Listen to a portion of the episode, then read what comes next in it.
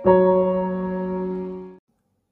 balik lagi di podcast Bekal Tidur. So, langsung aja ya. Jadi beberapa waktu lalu ada berita kalau akan terjadi kelangkaan terkait dengan uh, tepung terigu sehingga dikhawatirkan berdampak juga ke naiknya harga mie instan. Buat gua sih cukup membingungkan keadaannya ya. Jadi gua sedih sebenarnya harga mie instan naik. Cuman gua nggak udah nggak terlalu sering makan mie instan. Jadi mungkin gue beberapa waktu lalu tuh kan sekali beli di supermarket langsung 20 bungkus ya. Sekarang nggak habis masihan dari sebulan sejak diumumkannya kenaikan tepung terigu gitu. Bakal naik tepung terigu karena naiknya kenapa terjadinya eh, kelangkaan bahan baku yaitu gandum. Mengingat gandum itu adalah eh, bahan baku untuk terigu bahan, dan gandumnya itu uh, komoditi terbesar yang disupport oleh negeri Ukraina, negara Ukraina. Banyak banget uh, spekulasi sih sebenarnya dan gue nggak ngerti apakah bakalan naik atau enggak. Dan sebenarnya gue nggak terlalu panik karena pernah nggak sih lo kalau di warkop itu dengar orang beli Indomie satu bang, terus dia nawar gitu, berapa bang harga Indomie? Lima ribu, ya sepuluh ribu lah, jangan lima ribu. Ya tujuh ribu lah, tujuh ribu. Oh bisa jadi lima ribu, nggak pernah dia nawar sih kayaknya. Emang jadinya bad news, tapi kayaknya Indomie atau mie instan yang lain itu orang-orangnya sebenarnya cukup mampu belinya. Dan gue gak terlalu khawatir akhirnya. Padahal pertama kali gue denger beritanya cukup sedih. Lah gue gak bisa makan mie instan dong. Gitu. Anjing gak tuh? Ya yeah. jadi lebay gitu loh gue tuh. Padahal ya nggak juga nggak perlu kita khawatir ternyata. Paham nggak sampai sini? Gue bakal baca berita ya. Dari katadata.co.id Harga tepung dan gandum melonjak, harga mie instan belum tentu naik. Pasokan gandum dari Ukraina dan Rusia saat ini perlahan masuk ke pasar ekspor internasional. Namun harga gandum malah meningkat karena biaya logistik yang tinggi. Harga tepung terigu pada semester 2 2022 diperkirakan akan naik akibat melonjaknya harga gandum. Namun tidak semua produk berbasis terigu seperti mie instan bakal terkerek harganya pada paruh kedua 2022. Berdasarkan data Asosiasi Produsen Tepung Terigu Indonesia atau disebut dengan APTINDO, harga gandum per Agustus 2022 naik 76% dibandingkan awal 2021.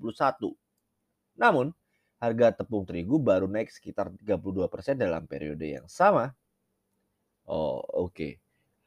Direktur Eksekutif Aptindo Ratnasari Lopis mengatakan ruang untuk menaikkan harga jual pada masyarakat maupun industri pengguna tepung masih cukup besar. Namun Aptindo mencatat pasokan gandum di dalam negeri masih mencukupi.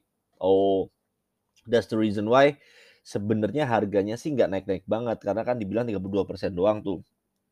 Sedangkan gandum naik sampai dengan 76%, tapi kayaknya bakalan kalau tidak terpenuhi pasokannya bakal ikut naik sih sampai 72%. Ini gue baca lagi ya. International Grains Council atau IGC mengingat, eh sorry, mencatat harga gandum asal Amerika Serikat dengan spesifikasi kandungan protein kurang dari 11,5 persen adalah 374 US dollar per ton pada Agustus 2022. Ini yakin nih? 374 US dollar per ton. 374 itu berarti kan ya gak mahal ngerti gak sih 7 kali ya kurang lebih 6 juta per ton harganya ternyata tepung terigu murah ya ternyata cukup 6 juta ya aku baru tahu lagi harganya harga bersihnya IGC menghitung angka tersebut hanya lebih tinggi 17% dari realisasi periode yang sama tahun lalu senilai 318 US dollar per ton. Ternyata nggak mahal-mahal banget sih sebenarnya. Oke. Adapun harga logistik gandum ke dalam negeri telah menembus US dollar 50 per ton menjadi 51 US dollar per ton pada Januari 2022. Artinya biaya logistik gandum naik lebih dari dua kali lipat dibandingkan dari Januari 2021 senilai US dollar 2000 eh senilai 24 US dollar per ton. Hmm. Oke, sebenarnya sih nggak parah-parah banget sih kalau dilihat-lihat ya. Orang-orang tuh kadang netizen tuh ya lu tau lah netizen tuh bukan berasal dari kalangan yang ada alias nggak pinter-pinter banget. Nah, pendidikannya juga kurang gitu ya. Ya makanya ya wajar gitu kalau mereka jadinya panik dengan adanya kelangkaan tepung terigu. Sebenarnya belum sampai kelangkaan cuman karena biaya operasional untuk mengirim tepung terigunya eh, gandumnya sendiri itu eh, meningkat sehingga itu berdampak ke biaya eh harga jualnya juga. Intinya seperti itu. Gue jadi masih ingat. Menteri kita yang baru ini agak asal ngomongnya. Dia bilang bakal naik tiga kali lipat. Dibantah lah sama Indofood kalau gimana sih Pak orang naik eh, naiknya harga gandum aja nggak nyampe 100%. Bapak jangan sembarangan dong kalau ngomong intinya kurang lebih seperti itu. Ya iya juga gitu. Ya kalau dipikir-pikir orang-orang tuh kalau ngasih pendapat ngawur gitu ngerti gak sih? Gue kebayang ya dengan adanya opini yang salah atau statement yang salah yang diberikan oleh menteri itu bisa chaos ngerti gak sih? Lu kan tahu penggemar mie instan di seluruh Indonesia itu sebanyak apa. Dan mungkin lu semua yang dengerin podcast ini juga cukup suka atau hobi makan mie instan gitu. Terus ini ada berita lucu lagi dari ini sebenarnya bukan dari media-media elektronik yang pada umumnya ini dari UIN Jakarta, Fitkom. Mahasiswa indek uh, sorry, mahasiswa indekos khawatirkan kenaikan harga mie instan. Astaga. Harga mie instan diperkirakan naik akibat tersendatnya pasokan gandum imbas dari perang Rusia dengan Ukraina. Bulan Juni lalu salah satu merek terkenal mie instan di Indonesia dijual seharga 102.800 per dus. Namun pada pertengahan Agustus mengalami kenaikan menjadi Rp109.500 per dusnya. Artinya mie instan mengalami kenaikan 6.700 dibanding bulan Juli lalu. Ini juga salah beritanya. Tolong mahasiswa-mahasiswa diperhatikan ya. 6.700 itu per dus juga ditulis. Jangan nggak ada per dusnya karena atas tadi ada per dusnya. Kacau nih. Gue kayak skip deh ini berita-berita ngaco nih. Nggak terlalu diperhatikan juga terkait bahasa Indonesia yang juga. Tolong Mbak Nazwa Rizkia Kamila tolonglah dibenerin ya. Bahaya bisa di googling soalnya. Nah ini nih beritanya harga mie instan naik tiga kali lipat kata Mendak Zulhas makan singkong aja. Waduh. Mendak Zulhas menanggapi pernyataan Menteri Pertanian Syahrul Yassin Limpo. Oh, yang ngomong ternyata Menteri Pertanian, bukan Mendak. Yang mengingatkan masyarakat bahwa mie akan mengalami kenaikan hingga tiga kali lipat. Ini Menteri Pertaniannya kok apa ya? Juga kadang nih dari partai apa sih Pak? Syahrul Yassin Limpo ini kok ngarang ini loh, bisa berargumen sembarangan. Nasdem lagi. Aduh dia historinya apa sih nih Menteri Pertanian kita nih? Gua agak sedih gitu kalau ada orang ngomong sembarangan. Hmm. Dia S2, S3 hukum. Ya wajar, hukum nggak ngerti tentang supply chain gini ini wajar. Nah ini nih yang selalu gue kritisi. Kalau memilih menteri dilihat dari skill setnya, dari background pendidikannya juga bisa gitu loh orang hukum kok ngomongin beginian. Jadinya ngaco kan. Mendak Sulas menjelaskan mentan hanya bermaksud agar masyarakat tidak hanya bergantung pada mie instan karena dia bilang banyak bahan makanan yang bisa dikonsumsi masyarakat selain mie. Katanya siapa nih? Zulhas, itu kan mentan beri semangat jangan terigu terus kita kan punya makanan ketela, singkong, kita punya sagu. Wah, kampret juga nih suara.com nih Harga mie instan naik tiga kali lipat. Mendang Sulhas, Mendak Sulhas bilang makan singkong. Ini emang penggiringan opini, ini framing sih guys. Orang dia bilang lengkapnya nggak cuma makan singkong, ada sagu, ada ketela. Kita kan punya, bukan ngomong nyuruh ya, kita kan punya yang lain sebenarnya gitu.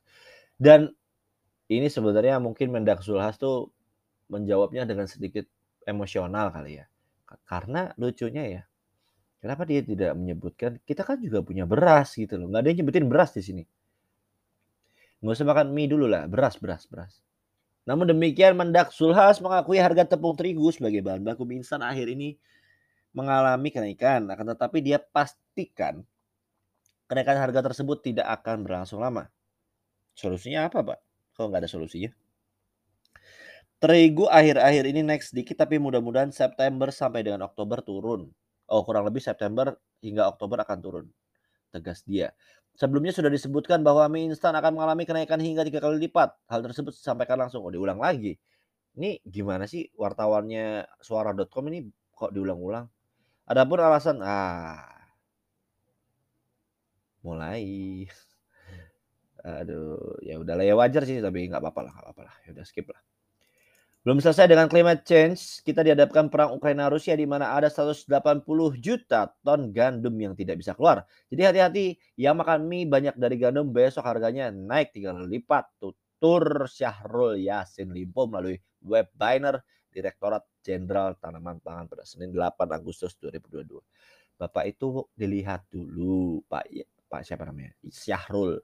Pak Syahrul, Pak Menteri terhormat dilihat dulu ini kan lagi tanggal cantik ya 8 Agustus 2022 di webinar tuh nggak usah sebarin berita-berita negatif. Ini beliau baru kayak jadi menteri ya, jadi nggak tahu cara mempiarkan diri dengan baik, mempiarkan kebijakannya dia dengan baik, mempiarkan statement politiknya dengan baik karena Anda sudah dijadikan menteri di mana omongan Anda jadi sangat didengarkan oleh penduduk. Jadi ngaco gini jadinya. Ah, skip lah. Kita bahas berita yang lain. Mana ada berita yang lain tentang Indomie lagi nggak? Harga mie instan naik, ini 10 Agustus 2022 ya. Harga mie instan naik, Sandiaga Uno ajak UKM untuk mikir. Ya ampun. Gimana gimana? Har gimana sih ini maksudnya? Sandiaga Uno ajak UKM untuk mikir. Oke, kita baca dulu aja beritanya ya, karena nggak boleh judgement ya.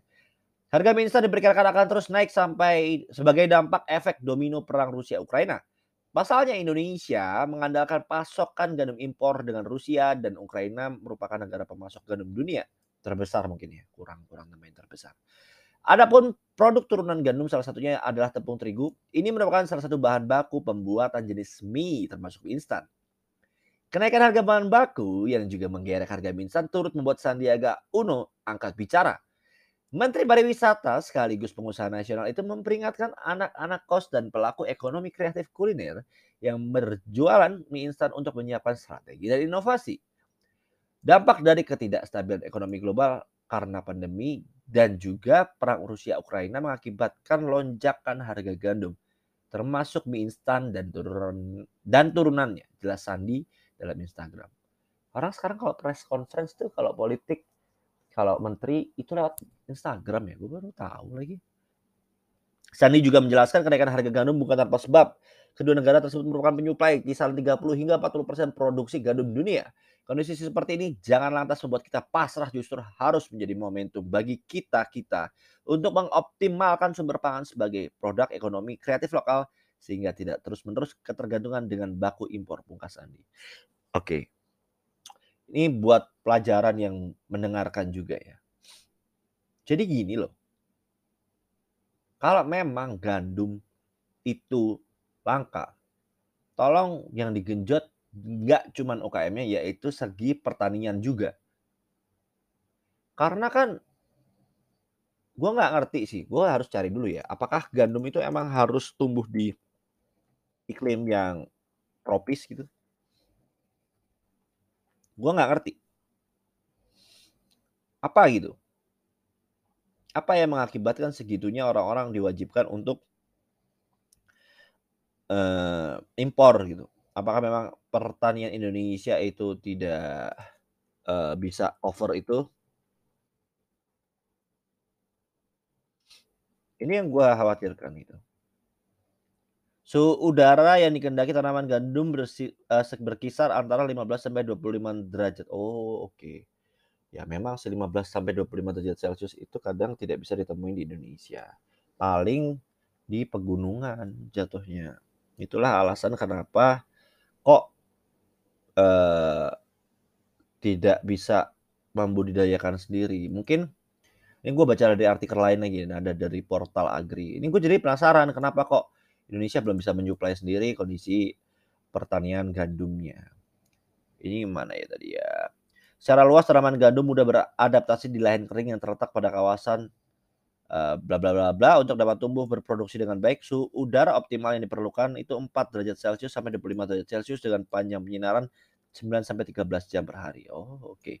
Apabila menyesuaikan lahan tanam di Indonesia, gandum tumbuh baik pada ketinggian 800 meter di atas permukaan laut dengan suhu udara 10 sampai 18 derajat Celcius. Oh, oke, okay. emang benar pegunungan berarti jawabannya. Gue nggak salah, gue bener, pinter gue nih. Ya, itu mungkin alasan ya Pak Syahrul harusnya tidak perlu angkat bicara ya selama beliau belum bisa memberikan solusi terkait rekayasa teknologi pertanian. Misalkan bagaimana caranya teknologi pertanian nanti bisa membantu petani untuk menumbuhkan gandum meskipun tidak di suhu yang dingin. Itu belum belum dibahas nih di berita-berita sama sekali. Harusnya digenjet, digenjet eh. Digenjot tuh menterinya buat bikin lomba kayak kan banyak kayak IPB aja jelas namanya Institut Pertanian Bogor.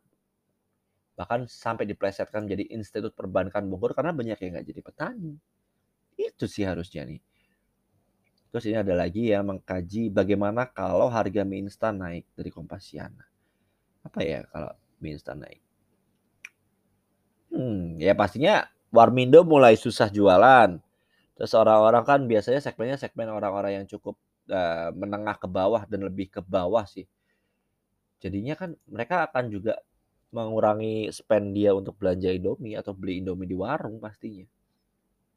Ya, ya, ya. Gua agak heran sih sebenarnya.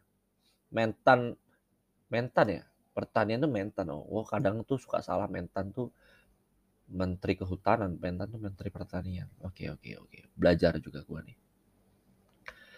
Uh, ini adalah 10 negara dengan konsumsi mie instan yang terbanyak adalah China dan Hong Kong, yang kedua Indonesia. Lu kebayang gak sih Indonesia itu konsumen sekaligus produsen terbesar Indomie berarti ya. Tapi kan dia bukan produsen gandum, itu yang menjadi masalah harusnya pemerintah paling bisa membuat kebijakan supaya ya mungkin membiayai juga untuk Indofood membuat Indomie yang berbahan baku tepung yang berasal dari beras atau tepung yang berasal dari sagu kayak tepung tapioka atau tepung beras. Itu segera dicanangkan yang seperti itu. Jangan sampai mie-mie instan seperti ini bisa menjadi bumerang gitu ke rakyat-rakyatnya. Rakyat-rakyat miskin jadi nggak bisa makan mie instan. Karena kan dulu kan mitosnya gini ya. Jangan banyak mie instan, ntar otak lo goblok gitu ya. Tapi sekarang jadi berubah nih. Jangan makan mie instan, entar lu miskin. Nah, bingung kan orang miskin tambah miskin nih kira-kira mie instan doang.